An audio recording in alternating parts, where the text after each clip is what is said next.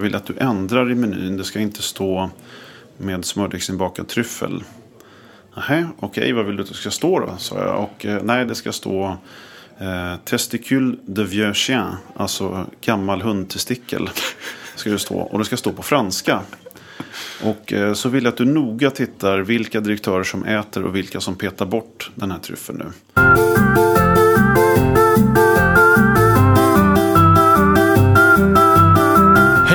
Nu var det dags igen för en ny podd. Idag med Pontus Fritjof. Pontus började sin karriär på Erik Lallestedts krog Eriks redan i 16-årsåldern. 27 år gammal startade han sin första krog, Pontus in the Greenhouse. Häng med på ett spännande samtal om matkultur, vikten av bra råvaror och historien om när Jan Stenbeck ber Pontus koka soppa på olika sorters blod. Vi säger först tack till vår sponsor Statist.se. Välkommen till Krogguiden Pontus Fritjof. Tack så mycket. Jag tänkte börja och fråga dig om din eh, dagsform. Hur mår du idag? Eh, Jag mår väldigt bra. Jag har, jag har ganska många projekt på gång just nu som jag håller på med. Så att jag är väl lite sliten kan jag säga. Men jag mår bra. Det är positiv energi i det jag gör. Det är viktigt för mig. Jag heter Pontus Johan Fredrik Fritjof. Är 42 år gammal. Har en sambo, två barn, 13 och 16 år. Och en labrador som heter Picasso som är 5 år. Jag är kock, krögare och entreprenör. Och jag bor i Bromma. Ser du dig själv som kock eller ser du dig som entreprenör? Eller vad, vad, vad, hur tänker du? Jag brukar alltid presentera mig som kock, krögare, entreprenör. Och jag är kock i grund och botten och älskar mat och laga mat och allt vad som har med mat att göra tycker jag är fantastiskt. Men jag är också entreprenör och brinner för den delen. Mm, det är maten som har tagit mig dit jag är idag eh, och det har jag stor respekt för. Och jag vill alltid vara en del av vår matkultur i företaget och matlagningen i företaget. Men jag står själv inte och hackar lök på, på dagarna utan jag har väldigt många andra saker som, som jag engagerar mig i. Och jag tycker någonstans att eh, om jag ska bidra med någonting till, till framtiden så gör jag nog inte det genom att hacka lök utan snarare kanske om engagera mig i servicefrågor, utbildningsfrågor och sånt som jag jobbar med nu som jag tycker är jätteintressant. Så att, eh, svaret på din fråga är att jag är kock i grund och botten men jag, har, eh, jag ser mig också som en entreprenör inom restaurangbranschen. Och det är lite udda för det, är- det, är, inte, det är inte riktigt så comme il faut, om man säger så. Att man ska vara eh, entreprenör utan man ska vara kock och ingenting annat. När jag, när jag hör ordet Pontus så tänker jag på det här det glada livet. Så här, champagne, hummer. Är det någonting som, som du kan skriva under på eller tycker du att det är en felaktig bild? Eh, naturligtvis så är det några av de sakerna som mitt varumärke står för. Men jag kan väl inte säga riktigt att mitt liv ser ut precis så jämt. Även om jag tycker väldigt mycket om att dricka champagne. Så eh, är det väl kanske lite få tillfällen som det händer. När i livet visste du att du skulle jobba med, med mat? Jag visste det när jag var 15 år och eh, fick en praoplats som det hette på den tiden hos Erik Lallerstedt på Eriks i Gamla stan på Österlånggatan 17. Då visste jag om att det var mat jag ville jobba med. Vi ska prata mycket mer om tiden där med, med Erik Lallerstedt. Men om man backar bandet då. När du växte upp, dina föräldrar, tyckte de om att laga mycket mat? Ja, min eh, pappa är väldigt, väldigt dålig på att laga mat. Hans kompetens sträcker sig till att koka te. Min mamma däremot är väldigt duktig på att laga mat. Och eh, både jag och min bror har fått äta väldigt mycket god mat hemma. Och hela måltiden har varit viktig i min familj när vi var små. Och eh, det är jag väldigt glad för. Eh, Mamma är fortfarande väldigt duktig på, på matlagning. Hur såg matkulturen ut liksom? Åt ni på regelbundna tider? Och... Ja, men middagen var viktig hemma. Och helgerna var viktiga. Och eh, det är väl någonting som jag också tagit med mig till, till min nuvarande familj. Att eh, måltiden är viktig. Och där vill jag att vi samlar familjen. Och man träffas och man samtalar. Och man äter och man njuter av maten. Och maten är viktig. Man äter inte för att bli mätt. Utan man äter för att det är gott. Och det är någonting som har följt med mig hela livet. Kan du komma ihåg några så här favoriträtter som din mor lagade till dig? Mamma har alltid varit väldigt duktig på såna klassiska grytor och hon har gjort roulader och gjort den typen av mat. Eh, Men generellt väldigt duktig på att laga mat och eh, gärna med lite fransk inriktning. Stod du själv liksom, fick du någon känsla för att du ville själv laga mat eller var det mest att du tyckte det var gott med mat på den tiden? Nej, absolut inte faktiskt. Jag var inte alls intresserad av att laga mat. Jag tyckte väldigt mycket om mat däremot. Så intresset för mat fanns från början. Men inte intresset att laga mat. Utan det kom först när jag började hos Erik. Mm. I 15 års ålder. Var det någonting som stod ut med maten hos dig i unga år också? Att du var liksom, var det någonting? Eller var det precis som vilket barn som helst? eller? Ja, det var det nog. Förutom att måltiden var viktig för mig. Eftersom det var fokus på det i min familj så var det också viktigt för mig. Och eh, jag känner idag också när mina barn kommer hem från någon aktivitet så frågar de vad blir det för mat? Det är först de frågar. För att de bryr sig verkligen på riktigt om vad vi ska äta. Och de kan, som har favoriträtter och saker som de tycker är extra gott. Och det är roligt. Det var, jag tror att jag var ungefär likadan. Då blir man nyfiken. Vilken är en favoriträtt hemma då? Och det är väldigt olika. Eh, just nu är jag väldigt glad att min dotter börjat tycka om risotto. Okay. Eh, jag, jag tycker själv väldigt mycket om risotto och tycker om att laga risotto. Och eh, min dotter har inte varit jätteförtjust i det tidigare. Men nu har det bubblat upp som en favorit. Så nu vill hon gärna att jag ska göra det. Det tycker jag är roligt. Och det är så här, det kommer upp några nya grejer hela tiden som de tycker om. till exempel foie gras har de båda börjat tycka om. Alltså an, anklever eller gåslever ja. som gjort på den feta, feta levern. Mm. och det, det, har man ju bara vid festligare tillfällen. Men då tycker de i alla fall om det och eh, vill gärna äta det. Och innan så var det liksom att man petar bort det. Och det är roligt tycker jag när man ser den utvecklingen. Att de vill prova och, och till slut då lär sig tycka om de här sakerna. Häftigt. Ja, men det är viktigt att träna smaklökarna och få en bred repertoar tidigt. Absolut. Du sa det hos Erik då vid 15 års alltså gick du någon eh, restaurangskola eller hur blev du självlärd eller hur, hur, hur, hur gick det till? Jag eh, gick restaurangskola på Kristinebergs gymnasium, en gymnasial lärlingsutbildning. Och den hoppade jag av efter några månader. Och utbildningen gick till på det sättet att man var fyra dagar i veckan på en praktikplats och en dag i veckan i skolan. Och jag tyckte den här dagen i skolan var hemsk. Jag var väldigt skoltrött efter, eh, efter nian och eh, kände att den här dagen gav mig faktiskt ingenting. Eh, som jag var i skolan. Utan jag älskade praktiken och tyckte att det var superkul att vara där. Så jag gjorde en, en deal med Erik. Att jag sa till honom att om jag får vara hos dig alla dagar i veckan då kan jag jobba hur mycket du vill. Kvällar och helger och allt sånt där också som man i regel kanske inte jobbade då under sin praktiktid. praktiktid. Mm. Och eh, det var väldigt, väldigt roligt och jag är tacksam att Erik tog emot mig naturligtvis. Det här som du tyckte var lite tråkigt då, var, var det ren teori då som var väldigt formell och, och, och, och lite? Ja, det var till exempel hygienkunskap. Eh, absolut bra att kunna, men för mig är det lite grann sunt förnuft. Jag vet om att man ska tvätta händerna när man var på toaletten. Det behöver inte jag sitta med en skolbänk för att lära mig. Och eh, det var även lite annan ma matlagningsteknik och sånt där. Och då sitta med en skolbänk och titta när en 65-årig farbror ska koka bechamel. Det är inte så man lär sig laga mat. Utan laga mat lär man sig hands-on i köket. Inte på en skolbänk. Eh, och jag tyckte då att eh, utbildningen den fylldes inte med någonting som var intressant överhuvudtaget. Eh, jag kan tänka mig att om man skulle kunna göra en sån här utbildning idag så skulle man kunna fylla den med väldigt många intressanta och viktiga saker. Men så var inte min utbildning utformad tyvärr. Många kockar eh, försvinner ju utomlands snabbt liksom till, till eh, Niklas Ekstedt var på Charlie Trotter och, och, det finns ju någon sorts kultur där att man ska bränna iväg någonstans. Mm. Hade du någon sån här dröm eller lust eller, eller var du så här nu har Erik, du stannade där länge? Ja, jag var där i tre år. Mm. Eh, och jag, när jag började där då kunde inte jag skala lök. Utan jag började verkligen på absolut lägsta nivå. Mm. Och jag fick börja med att packa in varor, sila fonder, som städar kylar och frysar, tar hand om rotfrukter och sådana saker. Och sen så lärde jag mig allt det där och så kom jag vidare och sen så blev jag insläppt och fick göra roligare och roligare saker. Och, eh, så de här tre åren var extremt lärorika för mig. Men jag var utomlands sen. Jag var i Paris i nästan ett och ett halvt år och även varit i Bryssel en tid och jobbat. Tiden i Paris var väldigt speciell. Eh, komma till, jag var väldigt ung när jag flyttade dit. Jag, var, jag tror inte ens jag hade fyllt 19.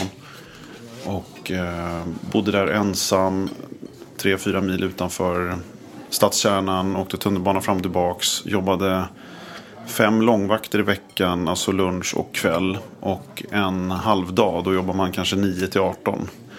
Eh, och sen så är det en dag ledigt.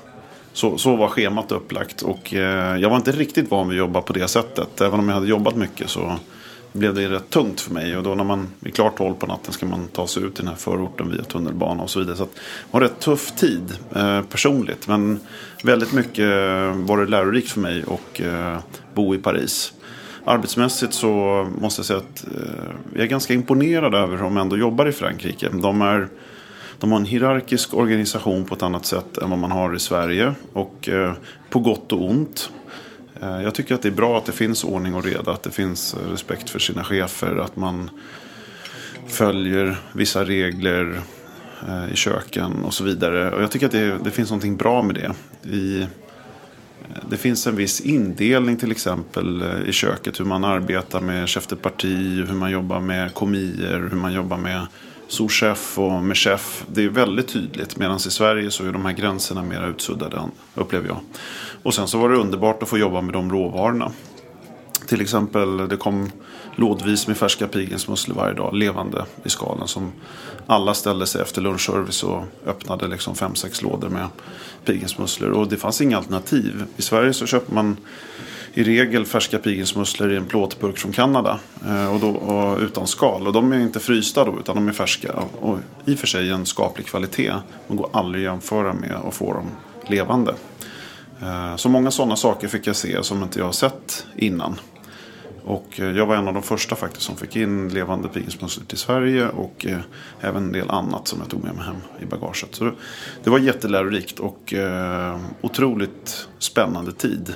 Jag tyckte kanske inte alltid att det var kul just när jag var där nere. Men jag tycker att det var väldigt roligt när man kom hem och hade det här i bagaget. Och än idag kan titta tillbaks på det faktiskt. Och parallellt med att jag jobbade på de här tre restaurangerna som jag gjorde i Paris. Så startade också en, eh, en cateringfirma tillsammans med en kompis. Och vi åkte hem och lagade middagar hos svenska familjer i Paris. Som jobbar i Paris. Eh, kända stora svenska företag som kanske hade en svensk ledning i, på sitt Pariskontor. Då fick vi kontakt via Exportrådet och lagade middagar hemma hos dem. Och för de pengarna som blev över sen så åkte vi alltid åt på något bra ställe. Och det är faktiskt också en väldigt viktig del av restaurangutbildningen. Att äta sig runt och gå på restaurang och käka. Eh, det, tycker jag, det försöker jag uppmuntra min personal till att göra också. Men kände du tidigt att du var lite entreprenörig sådär? Att du, du, det var sådär att du var nyfiken och du ville testa mycket och, och, och det liksom du var inte låst liksom vid, no vid någonting? Jag tänkte nog inte på det på det sättet då. Jag var väldigt, väldigt mycket kock då. Och eh, trivdes väldigt bra med det. Och jag tänkte nog inte på att jag tyckte att det där var väldigt kul. Men det har alltid funnits inom mig lite grann entreprenörskapet. Jag vet eh, redan liksom i högstadiet så drog jag igång en liten cykelaffär i huset där vi bodde och började liksom eh, reparera och även bygga cyklar faktiskt till, till folk som bodde i huset. Höll på med sånt. Så det har alltid funnits en liten entreprenörsådra i mig men jag blev nog inte riktigt varse om den förrän när jag var lite, lite äldre i alla fall. Om det inte hade blivit restaurangyrket, vad hade du hamnat då tror du?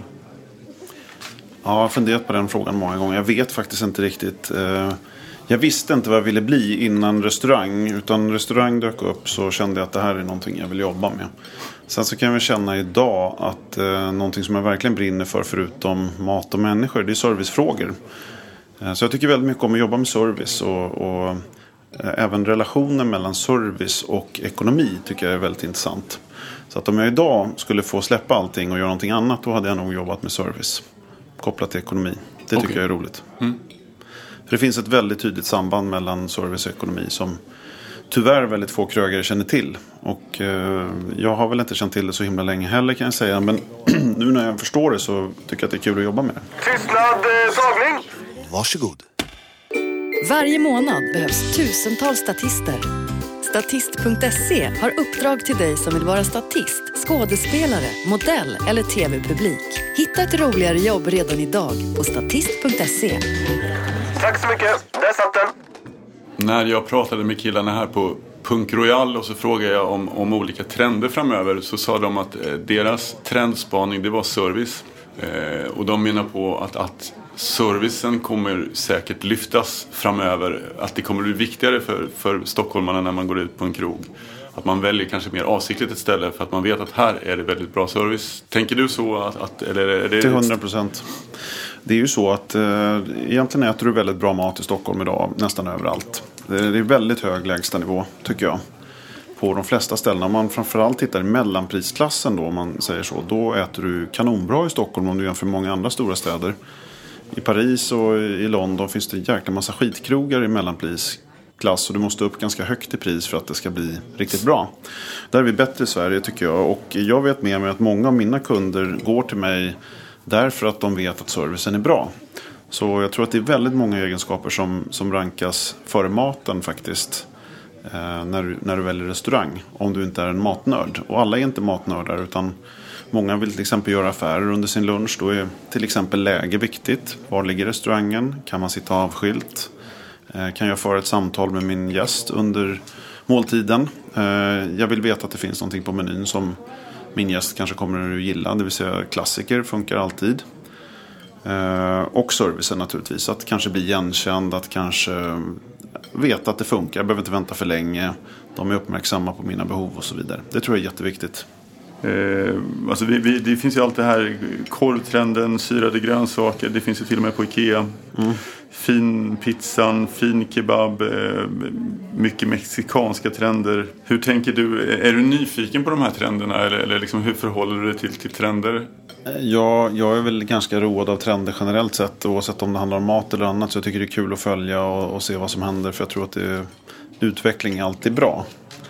Sen så matlagningsmässigt så är vi ganska, vi är ganska säkra på vår identitet. Vi, vi vet var vi står, vi vet vad vi tycker om och vi är ganska glada för det. Eh, om hela Stockholm börjar servera pulled pork så känner vi att det är en anledning att vi inte ska göra det. Okay. Så kan jag känna. Eh, så vi, vi är väl inte sådär oroliga att vi måste hoppa runt och göra nya grejer hela tiden. Men vi följer vad som händer naturligtvis. Och de, vad, vad, de bästa trenderna blir ju liksom en del av, av verkligheten framåt. Man ser med äta nyttigare och mer medvetet sådär. Det tror jag knappast kommer försvinna. Utan jag tror att det är en del av, av framtiden att det kommer se ut så. Även vi naturligtvis jobbar på det sättet. Att det finns väldigt många medvetna gäster som vet precis vad de vill ha. Och eh, måna om att stoppa i sig rätt typ av råvaror och rätt typ av mat. Och det måste vi ju naturligtvis anpassa oss efter. Men det känner inte jag är en trendfråga riktigt. Jag kan väl snarare känna så att jag saknar några saker. Jag saknar väldigt bra asiatisk mat. Eh, på högre nivå har svårt att hitta. Eh, väldigt bra italiensk mat har jag lite svårt att hitta. Eh, det finns några sådana inriktningar som man kanske hittar bättre i London eller New York eller Paris. Och där, som är mer mångkulturellt naturligtvis. Så det blir liksom mer äkta mm. där än vad det blir i Stockholm. Sånt kan jag sakna. Men trendmässigt så vet jag inte. Jag tror och hoppas någonstans att bra service kommer bli en, en viktig grej i framtiden. Nivån på servicen idag är inte speciellt hög runt om i Sverige. Med naturligtvis massor med undantag. Men ser man generellt, liksom, snittnivån är för dålig tycker jag. Och där kan vi bli, vi skulle kunna bli bäst i Sverige på service. Det är någonting som jag tycker skulle vara jättekul. Jag har läst att du var 16 år när du liksom fick börja ta lite mer ansvar. Eller när, när kände du själv, vilket, hur gammal var du när du liksom började bli du blev kökschef, det var lite senare såklart. Ja, då var jag 26. Det var väldigt ungt det också. Men, men 16 eh, var jag när jag började jobba hos Erik. Vi hade en podd precis här med, med Anna, Erik Stallerstedts mm. dotter. Ja, absolut. Eh, och hon har ju berättat mycket om, om, sin familj och jag har förstått att de är ju liksom en, en familj såklart med mycket passion för mat. Verkligen. Och traditioner sedan en mm. lång tid. Men berätta du eh, om, om Erik och, och liksom mötet med, med Erik Lallerstedt. Ja, vi fann varandra väldigt tidigt. Redan på min eh, praoperiod faktiskt. Eh, jag tror att vi, vi, har två, vi delar två gemensamma intressen. Det ena är eh, att vi tycker väldigt mycket om bilar båda två. Och det andra är att vi har väldigt dålig humor båda två. Och precis samma typ av dålig humor. Så att vi fann varandra på, på tidigt stadium.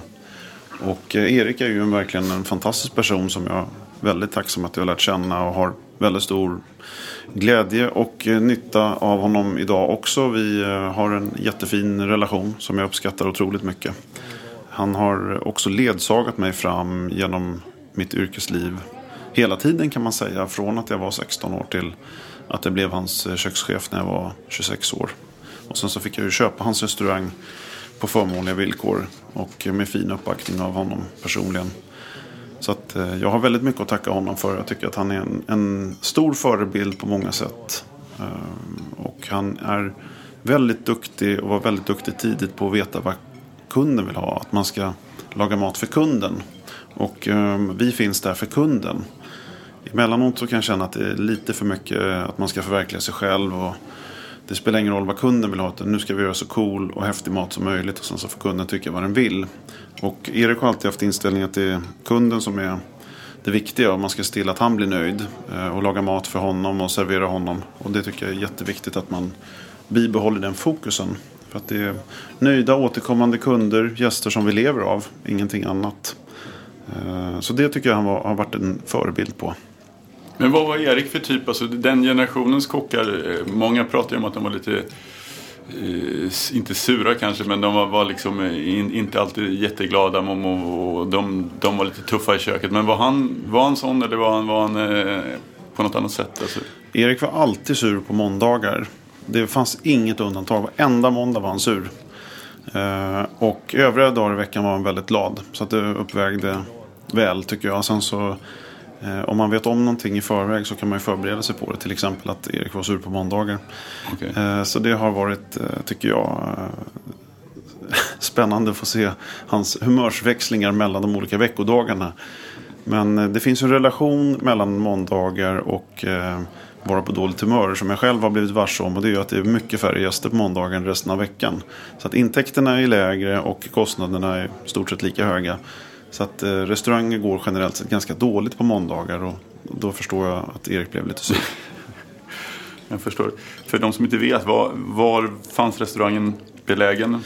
Den fanns på Österlånggatan 17 mitt emot Sankt Göran och draken-statyn. Gamla stan. Hur skulle du liksom beskriva den här tiden då, liksom mellan eh, från 16 år och fram till, då säger vi, du var 26 när du blev kökschef. Vad, finns det några stolpar där? Finns det några liksom, speciella saker som händer på resans gång? Som, som du... Ja, absolut. Men de första åren hos Erik var ju fantastiska att få lära sig grunderna från grund och botten. Få menar, koka riktiga fonder, få lära sig husmanskost, få bara koka en vitvinsås. Alltså, jag tror inte så många av dagens kockar vet hur man kokar en riktigt bra vitvinsås. Ehm, mycket sådana här grunder som man fick vara med och göra det som är väldigt lärorikt. Förutom det så efter det så hamnade jag i Paris och det var ju en milstolpe kan jag tycka. Och få se den typen av råvaror, få lära mig den hierarkin och strukturen som man använder i Frankrike. Var en del av den under en tid och eh, Förlåt, när du åkte till Paris, hur gammal var du då? Då, då var du då var jag eh, 19 år. 19 år. Och sen så en annan milstolpe var att eh, få ha arbetat hos Leif Mannerström på Sjömagasinet som jag jobbade i två år. Hade du någon överenskommelse då med, med Erik att nu kör jag några år och sen så kommer jag kanske tillbaks till dig? Eller vad, hade du någon plan där? Eller blev det som det blev? Eller vad? Jag får väl ytterligare lyfta fram Erik i det här fallet. Därför att han har hela tiden prioriterat min karriär och min framgång före, eh, före sin egen om man säger så. På det sättet att han har rekommenderat mig till andra jobb hos andra. Och det är ganska stort tycker jag att kunna göra en sån sak. Det är väldigt många tänker att ja, men den här killen är riktigt duktig. Han ska försöka behålla så länge som möjligt. Erik tänkte att eh, hur ska Pontus kunna bli så bra som möjligt? Jo, han ska jobba hos Leif. Jag ringer Leif och ser om jag kan fixa ett jobb till honom i två år. Och då blir han ju av med mig i två år. Så att eh, alltså, tänka på det sättet är helt fantastiskt. Tycker jag. Extremt empatiskt. Verkligen. Och jag har aldrig träffat någon som, som är som Erik på det sättet. Och jag vet att jag är inte den enda utan han har hjälpt även många andra.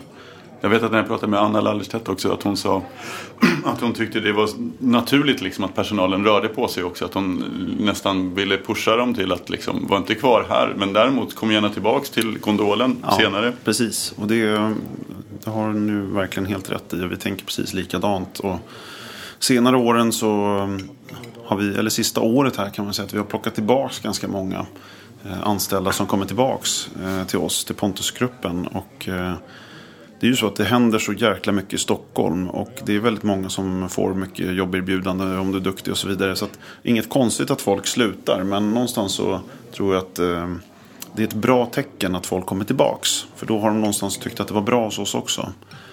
Eh, Så jag blir väldigt tacksam när vi får tillbaks folk. Och i regel så får vi tillbaks dem i bättre tjänster. Att de, ja, en servitör kommer tillbaks som hovmästare eller en hovmästare kommer tillbaks som restaurangchef eller något liknande. Och det tycker vi är jättekul. Och då har vi en kort startsträcka för då kan de vår för, företagskultur, de vet hur du arbetar tillsammans med oss och så vidare.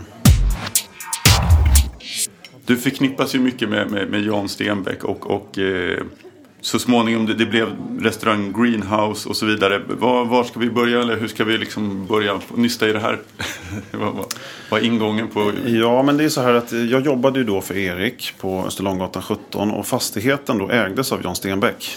Mm. Och det var så jag lärde känna honom och det var så jag fick träffa honom eh, första gången. Eh, så det var på den, den, den vägen som det hela började. Och eh, då var han ju gäst på, på Eriks. Och jag vet att Erik också skickade ut mig på, på catering till, till Jan Stenbecks landställe ute i Norrtälje. Så jag fick laga mat där ute och fick då en lite närmare relation för den här mannen som jag var livrädd för de första åren. Alltså jag förstår inte att Erik vågade skicka ut mig med tanke på den ganska Eh, minimala erfarenheten jag hade så skickade han ut mig och lagade en otroligt viktig middag för, för Jan och några gäster till honom. Och jag var ju helt livrädd. Jag kunde ju inte sova på flera dagar innan den här middagen. Den gick tack och lov väldigt, väldigt bra. Men eh, om det var tur eller skicklighet vill jag låta vara osagt. Men det var en, en spännande erfarenhet onekligen. Och det var väl kanske bra att jag gjorde ett bra intryck då. För att när jag sen skulle ta över restaurangen så, så tyckte jag naturligtvis ganska bra om mig och det var ju tacksamt för mig naturligtvis. Men då hade ni, när du tog över restaurangen och då så, så, så döpte ni om den till, till Pontus in the Greenhouse. Ja, januari 99. Januari 99. Men då, då hade ni träffats väldigt många gånger genom, e, på restaurang Eriks? Ja, det hade vi gjort. Jag var ju kökschef där de två åren innan jag blev, fick ta över restaurangen. Så vi hade träffats många gånger. Han var mm. väldigt nöjd med den maten som, eh, som jag lagade. Och det var roligt. Mm. Alltså, men hur kunde det liksom låta när, när Jan ringde och ville ha en middagsbeställning? Var, var, var det liksom, hade han speciella råvaror eller var det speciella önskemål? Han verkar ju veta exakt vad han vill ha hela tiden. Och, och... Ja, men Jan Stenbeck var väl kanske den mest krävande kunden man kunde ha. Och eh, samtidigt så bidrog ju han enormt till, till min egen och mitt företags utveckling. Just mm. eftersom han hade de kraven som han hade. Och han var otroligt engagerad i varje måltid. Eh, hur de här middagarna skulle sättas ihop med menykonstellation, med var vi skulle vara någonstans. Han tyckte att platsen var viktig. Drycken enormt viktig. Servisen, vad skulle man på sig, hur skulle de se ut och så vidare. Dekorationer, menyer, allt sånt där. Han var på detaljnivå som ingen annan kund har varit kan jag säga. Mm. På varenda middag. Och eh, emellanåt så slet man ju sitt hår över de här middagarna. Säg att det var kanske eh, två gånger om året. Okay. Men det var stora arrangemang. Mm. Och eh, önskemålen och kraven var, var inte absurda ska jag verkligen inte säga. Men de var krävande. Och det var en väldig utmaning att få ihop allting. För det var ju liksom varenda liten detalj som var, var viktig. Mina viner som du inte får tag på, som du måste få tag på. Mm. Maträtter som eh, du knappt vet hur du ska göra. Eh, som du måste laga upp då för 80-90 personer. Eh, nej, men det var helt fantastiskt. Det var underbar tid. Och jag saknar honom jättemycket. Jag läste eh, intervjuer här med, med, med dig och då har du berättat om, han var väldigt nyfiken på, Jan var väldigt nyfiken på hur olika typer av blod smakade. Ja det stämmer, det var faktiskt en blodsoppa. Blodsoppa, okej. Okay. Ja, vi skulle laga en eh, midvintersoppa, ville han att det skulle heta, till mm. en julmiddag. Ute på Konfidensen, Ulriksdals slottsteater. Och då ville han att jag skulle experimentera med olika sorters blod i den här soppan. Eh, och det är alltså en variant på svartsoppa kan man säga. Så att man gör då en, eh, en eh, antingen en kycklingbuljong eller en ankbuljong eller på något sätt en fågelbuljong som du sen har i blod i. Och då ville han att vi skulle testa smaker på olika typer av blod i den här soppan. Och det var väldigt liten skillnad kom vi fram till. Så jag tror att vi slutade med gås och ankblod. Det var dessutom svårt att få tag i så många typer av blod. Eh, och leverantörerna de skakar ju bara på huvudet när man ringer och ber om sådana här saker. Så att, eh, men det var spännande. Men det finns en liten knorr där på historien. Jag läste också då att han, han hade ringt till dig och sagt att han ville vid den här sittningen eller middagen mm. så ville han att, att det skulle komma in någon, någon kille och springa med en påse blod på sig. Eller alltså, du, du vet ju svaret. Ja, precis. Under middagen så skulle vi då, vi hyrde in en brottare och vi hade allt det här klart. Som skulle komma in i någon väldigt trång eh, eh, guldtrikå på sig. Med något blodgivarplåster på sig. Och eh, han skulle springa in innan det här serverades Och eh, bara gå och säga hoppas det smakar bra. Och eh, det var liksom en liten knorr på själva förrätten. Att man skulle associera då till att det var hans blod som var i soppan. Eh, men han ångrade sig eh, som han gjorde emellanåt med sina konstiga idéer strax innan eh, servering. Så vi fick plocka bort brottaren som redan var kontrakterad och klar. Och vi hade styrt upp alla detaljer runt omkring. Men han hade också väldigt många spännande, roliga, bra idéer också får man ju säga. Och väldigt, väldigt mån om att det skulle bli bra måltid. Vi hade bland annat en, en otroligt spännande historia när han satt på en restaurang som heter Le Crier i Reims i eh, Champagne. Som en eh, kock som heter Gerard Boyer drev en trestjärnig restaurang. Och då satt Jan där och åt lunch och till lunchen så fick han en smördegsinbakad tryffel. Det är någonting som är ganska vanligt på finare krogar, framförallt förr i, i Frankrike. Det är alltså en hel svart vintertryffel. Det är en bit eh, foie gras, alltså fet ankel eller gåslever eh, ibland är det också en bit skinka i. Och sen så eh, smördegsinbakar man det här och det blir ju naturligtvis väldigt gott. Och Jan hade ätit det här på, på den här restaurangen och ringde mig därifrån och eh, sa att jag skulle vilja ha det här som ett tillbehör på vårmiddagen. Som ett tillbehör, alltså någonting som blir väldigt, väldigt dyrt som tillbehör kan jag säga. Och eh, så ja, absolut, det kan vi säkert ordna. Och eh, tänkte väl inte så mycket mer på det. Några timmar senare så ringde han och då berättade han att eh, min vakt Peter, är, han har nu satt sig i bilen från Champagne med tre sådana här tryfflar som han har köpt med sig och är på väg upp till dig nu. Så han ska flyga upp och eh, vill att du ska smaka det här så att du kan göra en kopia på det här på vårmiddagen. Någon timme senare så ringer han och säger att ja, nu har Peter landat på Arlanda och är på väg in till stan.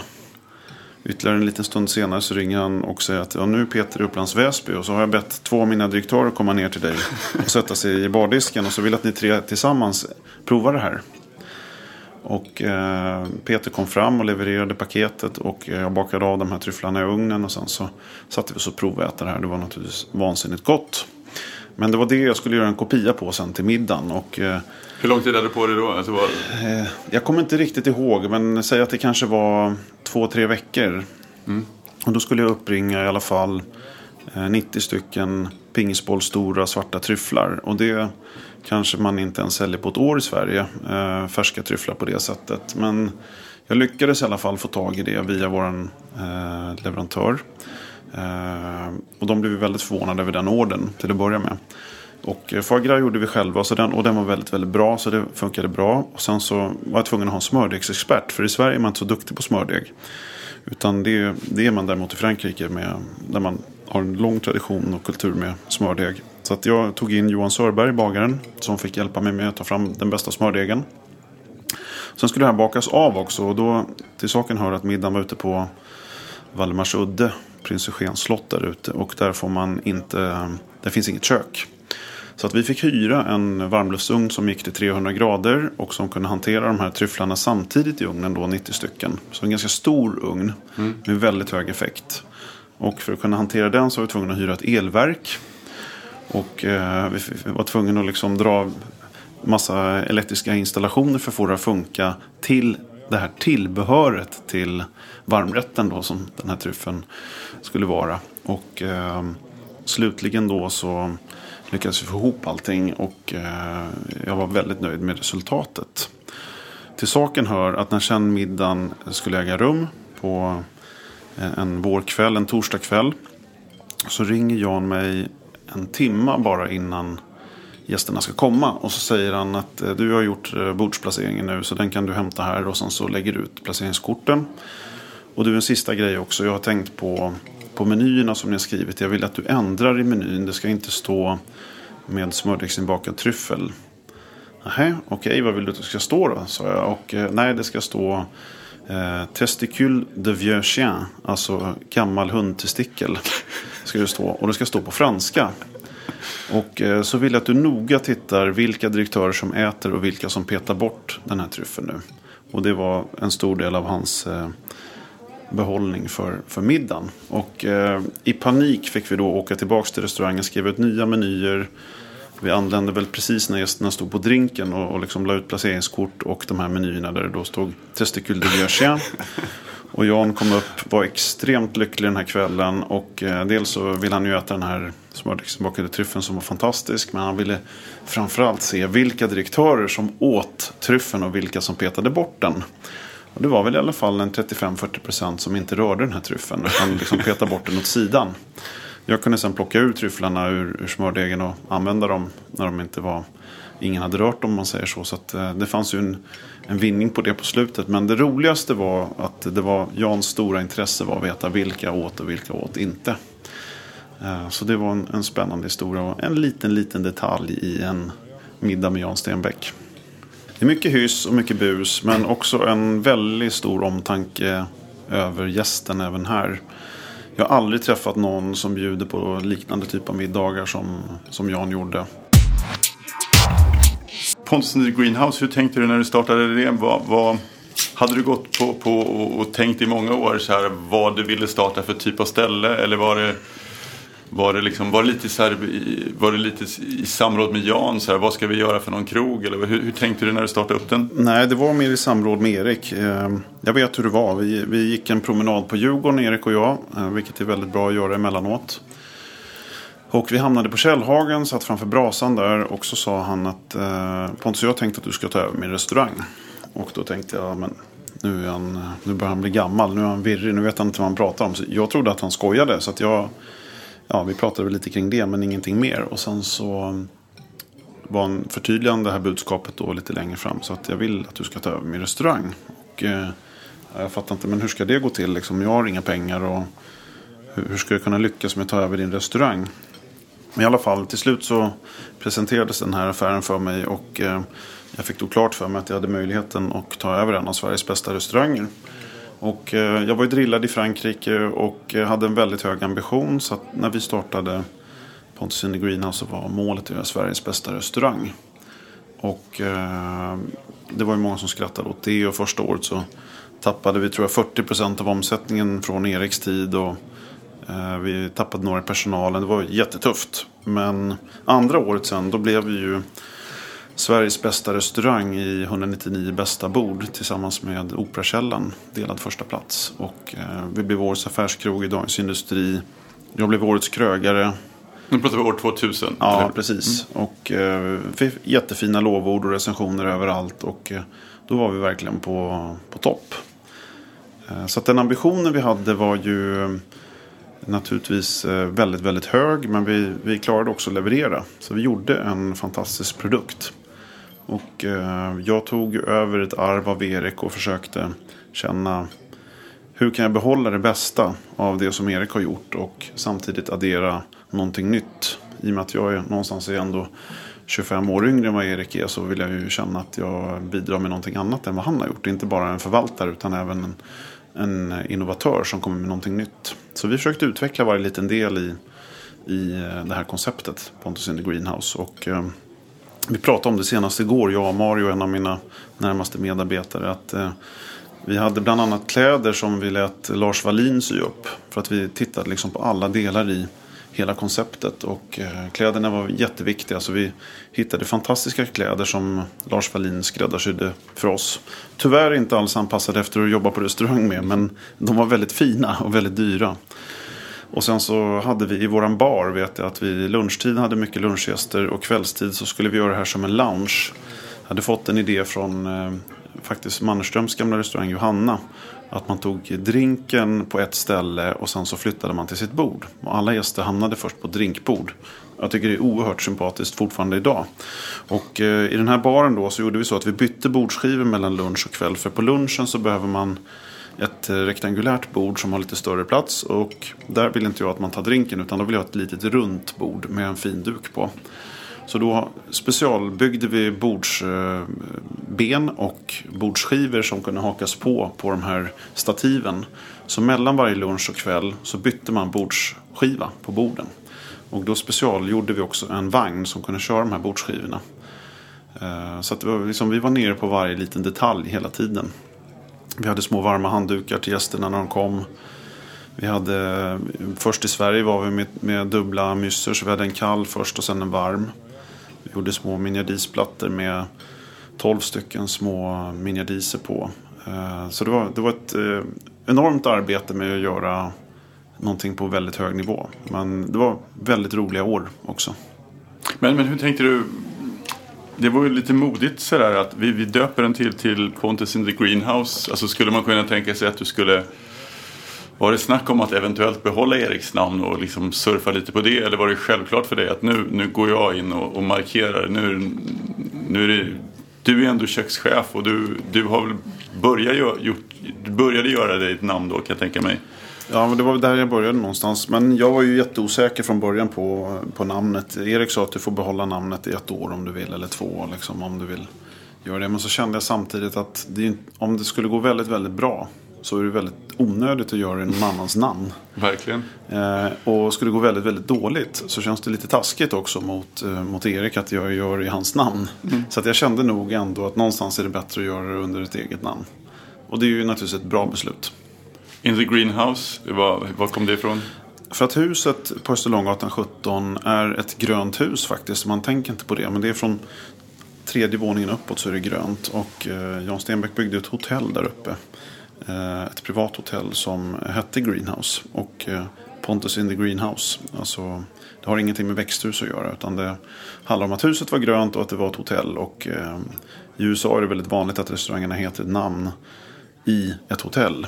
Och Okej. eh, det var precis på samma sätt som vi gjorde Pontus in the Greenhouse. Om man tänker 2015 och då, hur tänkte man koncept då? Eller, eller tänkte man bara så här, här ska vi ha eh, bra råvaror, bra kött, bra service? Eh, koncept visste jag nog inte ens vad det var då. Så att vi tänkte inte koncept alls. Vi tänkte vi ska göra någonting som inte riktigt finns i Sverige. Vi ska jobba med de bästa råvarorna. Och eh, det finns ju väldigt bra kyckling. Men, men vi jobbade inte med kyckling utan vi jobbade med strypta anker eller strypta duvor. Och vi jobbade med, när det var fisk så jobbade vi med piggvar, sjötunga, marulk, torskrygg. Liksom ingenting annat. Eh, vi jobbar mycket med tryffel. Vi jobbar jättemycket med kaviar. Vi jobbar jättemycket med eh, hummer, levande havskräftor. Eh, ja, de exklusivaste råvarorna helt enkelt. Och det blev ju naturligtvis väldigt dyrt. Men det roliga i det hela var att det var de- nästan alltid de dyraste rätterna som sålde bäst. Okej. Vi gjorde en, eh, en till exempel var vi bland de första i Sverige som serverade eh, risotto med vit tryffel. Som jag tror vi tog eh, 795 kronor för på den tiden som förrättsportion. Och den sålde alltid slut. Och alla var skitnöjda. Och sen så... Och du också. Ja, ja absolut. alltså, vi tjänar ju inte så mycket pengar på den för tryffeln var ju svindyr. Men det är kul ändå att kunna sälja sånt. För i regel så dricker man också ett bra vin till. Sen gjorde vi en eh, toast Sven, Sven Filip Sörensen uppkallad efter en, eh, en vän och en stamgäst. Och eh, det består då av en bit eh, rostad bröd i botten. Det blev sen rostat rågbröd och sen så hade man varm oxmärg ovanpå det. Och så toppade man det här med iransk kaviar. Och eh, till det här så drack man iskall vodka. Och det är faktiskt eh, väldigt, väldigt gott. Det är fantastiskt gott. Och den tror jag vi tog 1295 för. För vi la på en ganska rejäl hög med kaviar ovanpå. Och eh, även den sålde väldigt bra. Väldigt, väldigt uppskattad rätt. Okej. Eh, så att dyr mat sålde jätte, jättebra. Och, jag vet ingen annan restaurang i Sverige som har jobbat med råvarorna på det sättet. Och idag så finns det nästan ingenting av det kvar. Om man går på de bättre restaurangerna. Man ser Fäviken, Mattias och, och Axen och, och Franzén och så vidare. Så de, gör de ju fantastisk mat. Men de jobbar inte alls med den typen av råvaror som, som vi gjorde. Och det kan jag lite grann sakna i Stockholms restaurangutbud idag. Den här exklusiviteten till vissa fantastiska råvaror. Det kan jag sakna. Två år senare så startade Pontus by the Sea. Vad var, om det här då var fine dining, då var, var Pontus by the Sea skulle vara lite mer casual? Eller fortfarande... My, mycket mer casual. Det var mycket mer brasseri. Alltså vi hanterade ju en enorm massa gäster varje dag där nere i sommartid. Vi kan ju prata om att ha tusen nätande varje dag. Så det, är, det blir ju en fabrik på ett annat sätt. Och eh, då var ju ambitionen att göra så bra mat som möjligt med de förutsättningarna. Och eh, får vi säga att jag hade mycket även där att tacka Mannerström för att jag hade jobbat på Sjömagasinet. För där skottade vi ut ungefär lika mycket mat som på Pontus by the Sea. Och då um, hade jag lärt mig hur man hanterar stora volymer, hur man lagar bra mat till många. Och det handlar väldigt mycket om förberedelser, att man ligger, gör, det största arbetsinsatsen gör man innan gästerna kommer. Och sen så handlar det om att få ut maten smidigt. Och eh, det var spännande år. Så jag drev den restaurangen i tio år. Någonting under den här tiden som du skulle säga, det här, här tänkte jag helt rätt. Och så någonting annat där du säger att här tänkte jag lite fel och det blev lite tokigt. Nej men absolut, jag kan väl verkligen erkänna att jag har gjort mängder med eh, felbedömningar och misstag i mitt liv. Och eh, samtidigt så, jag har inte heller bara suttit still utan jag har faktiskt prövat och försökt många saker. Jag tycker att det är, är viktigt. Det är ju någonstans också så, även om det är lite klyschigt att på varje, varje lyckad varje lyckat beslut och varje lyckträff man har så går det några misslyckade också. Så är det ju faktiskt. Så att, eh, nej men jag har väl, är väl nöjd med att jag har gjort väldigt många bra beslut i mitt liv. Ehm, startade Gröna huset och Greenhouse. och som du nämnde själv här, namnet på den restaurangen, den inriktningen vi valde, den ambitionen att bli bäst i Sverige och, och så vidare. Och att vi valde att utveckla varje del, att vi inte bara nöjde oss med att titta på maten utan man tittar på det dukade bordet, på personalens klädsel, på vissa servicefrågor. Man fick alltid en signerad meny med sig hem och så vidare. Vi låg på framkant inom väldigt många plan och det, det är väl oerhört tacksam för. Och, eh, Sen rent affärsmässigt så är jag ju tacksam att jag har startat lite andra företag under den här resan. som Några av dem har gått väldigt bra och har varit framgångsfaktorer för mig. Eh, sen så har man gjort eh, misslyckanden också. Jag har satsat bland annat på att göra en restaurangshow en gång som hette Soulful Evening. Eh, med två artister som tyvärr var nästan till helt omöjlig att sälja. Så vi hade extremt dålig beläggning under den här, den, de här showdagarna eh, som var. Det var egentligen inget fel på själva idén men det var kanske fel på genomförandet och hur vi marknadsförde det här. Så eh, det var väl ett stort misslyckande får man väl säga. Samtidigt så hade vi en ambition att göra någonting roligt av det så att tanken var ju rätt från början. Eh, sen får man säga då matsalen på Pontus nere på Brunnsgatan, Norrlandsgatan var eh, en fantastisk idé från början. Men vi satte konceptet lite fel från början och eh, var inte tillräckligt snabba på att rätta till det. Kan vi säga så här i efterhand. Nu har vi gjort om det konceptet så nu är det Burger Lobster i, i den matsalen. Men om vi, om vi bara drar det lite snabbt. 2007 så startade Pontus. Mm. Och eh, då pratar vi inte såklart den här fine diningen som du hade tidigare. Utan det var ändå en bra, var det en bra affärskrog skulle du säga? Eller var, var det en... Ja det var en väldigt bra affärskrog. Alltså, luncherna var ju helt fantastiska och eh, kvällarna var också bra. Men vi hamnade lite grann i en, en icke-nisch om man säger så. Det var, det var inte fine dining på riktigt för att det var större volym. Men vi var inte heller volymskrog, volymkrogsanpassade. Så att eh, vi hamnade någonstans i någon mellanmjölksland där som inte blev riktigt lyckat. Sen var det många värden som var fantastiska på den restaurangen. Och inredningen var ju helt, eh, tycker jag fortfarande än idag, kanske Stockholms snyggaste krog. Men det hade också, inredningen hade också en avskräckande effekt. För du lockar inte volymen till den typen av restaurang. Och vi var beroende av volymen för att kunna bibehålla vår lönsamhet. Så att vi, vi gjorde en mängd med eh, felbedömningar från början kan man säga. Sen har vi gjort mycket bra också. Är det inte alltid lite tufft liksom, när, alltså, att ha en krog där du ska gå en trappa ner då som det var? Inte det? Den ligger lite, mm. när det är lite dolt så det ställer lite, lite högre krav än om, om den ligger lite mer mot gatan och bra läge. Absolut, visst är det så. Och eh, vad vi då kom fram till till slut var att vi behöver ett koncept som i sig, i konceptet i sig drar volym oavsett var det ligger. Och eh, då blev ju Burger Lobster en väldigt lyckad satsning. För det är ett väldigt tydligt volymkoncept som eh, ja, på kort tid nu har bevisat att det drar volym även i Stockholm. Det har ju skördat stora segrar i England bland annat i de sista fem åren och nu även i Stockholm. Det är kul. Är vi inte så också i Stockholm eh, att vi tycker om de här koncepten och vi tycker om en tydlighet och, och där är ju Burger Lobster liksom ett kvitto på att det är väldigt, man förstår vad man får och eh, du levererar två produkter som, som, som är konceptet. Ja, absolut, jag tror att det är många som eftersträvar det och eh, samtidigt så har vi också träffat på en del kunder som inte förstår att det är ett koncept utan som kan komma med synpunkter till mig på på menyn eller varför har ni inte det eller varför gör ni inte det eller varför har ni köpt majonnäs på bordet och eh, då kan jag känna att det känns ganska skönt att säga det att vi får inte ha något annat. Utan det är ungefär som att driva en McDonalds eller en Statoil eller en Pizza Hut. Det ser ut som det gör. Och det kan man tycka vad man vill om. Men det är inte du själv som väljer om du ska ändra på det eller inte. Det som jag tycker är fascinerande med Burger Lobster är att kvaliteten på maten är så bra. Eh, och prisbilden är, är så pass bra som den är. Och sen så tycker jag väldigt mycket om restauranger där man inte behöver sitta och vänta. Och det funkar bra på Burger Lobster. Det går väldigt fort med allting.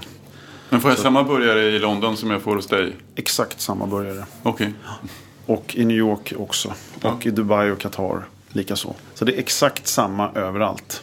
Och det tycker jag är, det är roligt. Jag var väldigt positivt överraskad första gången jag åt på Burger Lobster. Om man blir sugen så här och, och man är ute och reser och man vill prova någonting. Du, du som, som vurmar mycket för Frankrike men, men även andra länder. Har, är det något så här som du tänker att här är det rätt fantastiskt? Det, det måste ju inte vara den dyraste utan det skulle kunna vara en restaurang som, som Verkligen är, är, vär, verkligen värd ett besök. Absolut. Eh, Jag tycker någonting som fascinerar mig med, med restaurangen, någonting som för mig skiljer en bra från en dålig, det är den högsta lägsta nivån. Ja, Alltså, det vill säga att eh, jag brukar säga till mina kockar och min personal att det är bättre att ni levererar 7,5 av 10 varje dag än att ni två dagar i veckan gör 9,5 och sen så är ni på 6 några dagar. Den här jämnheten som för mig är professionalism som jag tycker är jätteviktig. Den kan man hitta på många ställen eh, utomlands. Jag har ju en favoritkrog i eh, Nice som heter Le Bistro d'Antoine som är en förebild också till Pocket. Eh, och där har jag väl ätit kanske 20 gånger nu och det har all, alltid varenda gång varit exakt lika bra. Det Är det aldrig- mid price? Eller vad, vad Ja, det är väldigt, väldigt billigt. Det är väldigt billigt. Alltså du kan äta fyra, fem rätter eh, med ost och dessert. Dricka ett glas champagne innan och dela på en flaska vin och du liksom landar på tusen kronor för två. Så att det är Oj, otroligt prisvärt. Och maten är kanonbra varenda gång. Och servicen är fantastisk. Så det, det tycker jag är, sånt gillar jag jättemycket. Och just den här jämnheten. De ställena som är jämna, det är, det är otroligt imponerande. Dina topp tre, du får säga fem restauranger också, men topp tre restauranger eh, när man ska gå ut en vanlig kväll och käka i Stockholm. Ja, alltid svårt att lista krogar i Stockholm. Men eh, en av mina favoritrestauranger är definitivt AG. Som, för jag älskar kött och jag tycker att de gör det väldigt bra. De har gjort hela konceptet väldigt, väldigt bra tycker jag. Så AG är en eh, stor favorit för mig. Jag kan tycka att eh, Teatergrillen är eh, en väldigt trevlig restaurang. Och det är inte för att den har liksom blivit hipp och modern på senare tid. Utan jag gick faktiskt dit med mina föräldrar långt innan det blev häftigt att gå dit. Och tycker någonstans om den typen av restauranginredning väldigt mycket. Så det kan jag tycka mycket om att gå dit. De som inte varit där, hur ser den ut? Ja, Det är ju en lokal helt utan fönster till att börja med. Och eh, det är röda sammetssoffor det är många bås. Och eh, det är en väldigt så socialt intim sittning där inne. Och den stämningen som blir där inne tycker jag är fantastisk. Eh, sen tycker jag mycket om att gå på matbaren. Mattias Dahlgrens matbaren tycker jag är jättetrevlig. Väldigt god mat. Jag tycker om Wax and Sleep. Tycker jag är trevlig också. Bedholmsfisk tycker jag är en underskattad klassiker. Jag tycker om restauranger som har funnits länge, som serverar samma mat idag som för tio år sedan. Som inte går på de här moderna trenderna utan där du får en, en skötunga som väger 600 gram och med en eh, sås till som, eh, som inte är luftig och skummig utan som är smakrik och, och fet. Det kan också mycket, finns något mycket och befriande i det. Tycker jag. Och eh, jag är glad att det finns sådana ställen. För, det, för mig är det lite grann som att komma utomlands och gå på sådana ställen. Att där finns det ställen som har sett likadana ut i 50 år. Och jag tycker det är lite coolt. Kockar, eh, vi har ju nämnt några namn här men det finns ju många till. Alltså Per Morberg kan man tycka vad man vill om. Leif Mannerström har vi snackat om. Franzén, Mattias Dahlgren, Sajan Isaksson. Alltså, har du någon sån här palör? Har du några stycken? Du har ju nämnt några nu men har du några som, som du, du är lite mer intresserad av än andra? Eller följer? Alltså jag har, har väl några som är kompisar och, och några som jag beundrar väldigt mycket. Så att, eh, visst har jag det. Eh, Men Sajan där, du, du, du eftersökte lite någon riktigt fine dining asiat liksom. Ja, han är ju oerhört duktig. Ja, verkligen. Eh, Men det finns ju inte så många alternativ. Och eh, åker du till eh, några andra städer runt om utanför Stockholm så finns det ju inga alternativ överhuvudtaget knappt. Tyvärr. Nej, nej, det är sant. Eh, men han är ju jätteduktig. Men, nej, men jag har väl många som jag beundrar. Jag tycker, förutom de tidigare nämnda då, tycker jag ju att Fredrik Eriksson är en fantastisk eh, person. Han är, eh, förutom att han är en härlig person så är han också en väldigt bra förebild för branschen. Okej. Som bidrar med mycket seriositet och eh, gör... Ja, men han är ju superduktig. Han eh, driver eh, Långbro värdshus och även en restaurang ute i Solna som heter Asplunds. Men Fredrik har jag stor respekt för. Sen så Mattias Dahlgren är ju otvivelaktigt extremt duktig matlagare. Eh, Tommy Myllymäki har jag stor respekt för. Magnus Nilsson på Fäviken. Jätteduktig också. Många av de här har jobbat eh, hos mig också. Eh, Tommy Myllymäki vann Årets kock när han jobbade hos mig. Magnus Nilsson jobbade på Pontus in the Greenhouse. Och eh, tittar man tillbaks på den tiden vi drev Pontus in the Greenhouse så ser man att alla de här kockarna någonstans har startat väldigt många bra ställen idag. Och det blir man ju väldigt glad och tacksam över att de har varit hos oss också. Om du fick hur mycket pengar som helst eller du fick öppna ett nytt ställe i, inom Stockholmsområdet. Och liksom, det, var inte så viktigt att du skulle tjäna pengar utan du skulle göra någonting. Det här, det här, är, lite, det här är kul och det här vill jag göra. Vad, vad, vad skulle det bli då? En lyxbistro baserat på, på, grillad, på grillad fisk, skaldjur och grönsaker skulle jag vilja göra. Det var en rolig fråga. Men en, en lyxbistro, alltså en liten uppgraderad bistro som är lite sådär eh, Lite lyxig men ändå avslappnad. Men det finns ändå en viss nivå på, på allt ifrån inredning till hur personalen ser ut. Och sen så skulle man fokusera allting kring en stor träkolsgrill och jobba väldigt mycket med fisk och skaldjur och eh, grönsaker. Spännande. Skulle man gärna vilja komma och besöka i så fall. Mycket välkommen. I en ny podd här, vad, vem skulle du gärna, vem tycker du jag skulle kunna intervjua nästa gång? Jag tycker att du ska intervjua någon som är duktig på matsalssidan. Alltså inte en kock utan någon som är duktig på det andra. Till exempel Maria Rögell tycker jag du ska intervjua. Då tycker jag du ska prata om eh, matsal och servicefrågor med henne. För det är hon oerhört duktig på. Då tackar jag Pontus Fritiof. Tack för att du kom till, till oss på Krogguiden. Tack snälla för att ni frågade. Tystnad, eh, tagning! Varsågod. Varje månad behövs tusentals statister. Statist.se har uppdrag till dig som vill vara statist, skådespelare, modell eller tv-publik. Hitta ett roligare jobb redan idag på statist.se. Tack så mycket. Där satt den.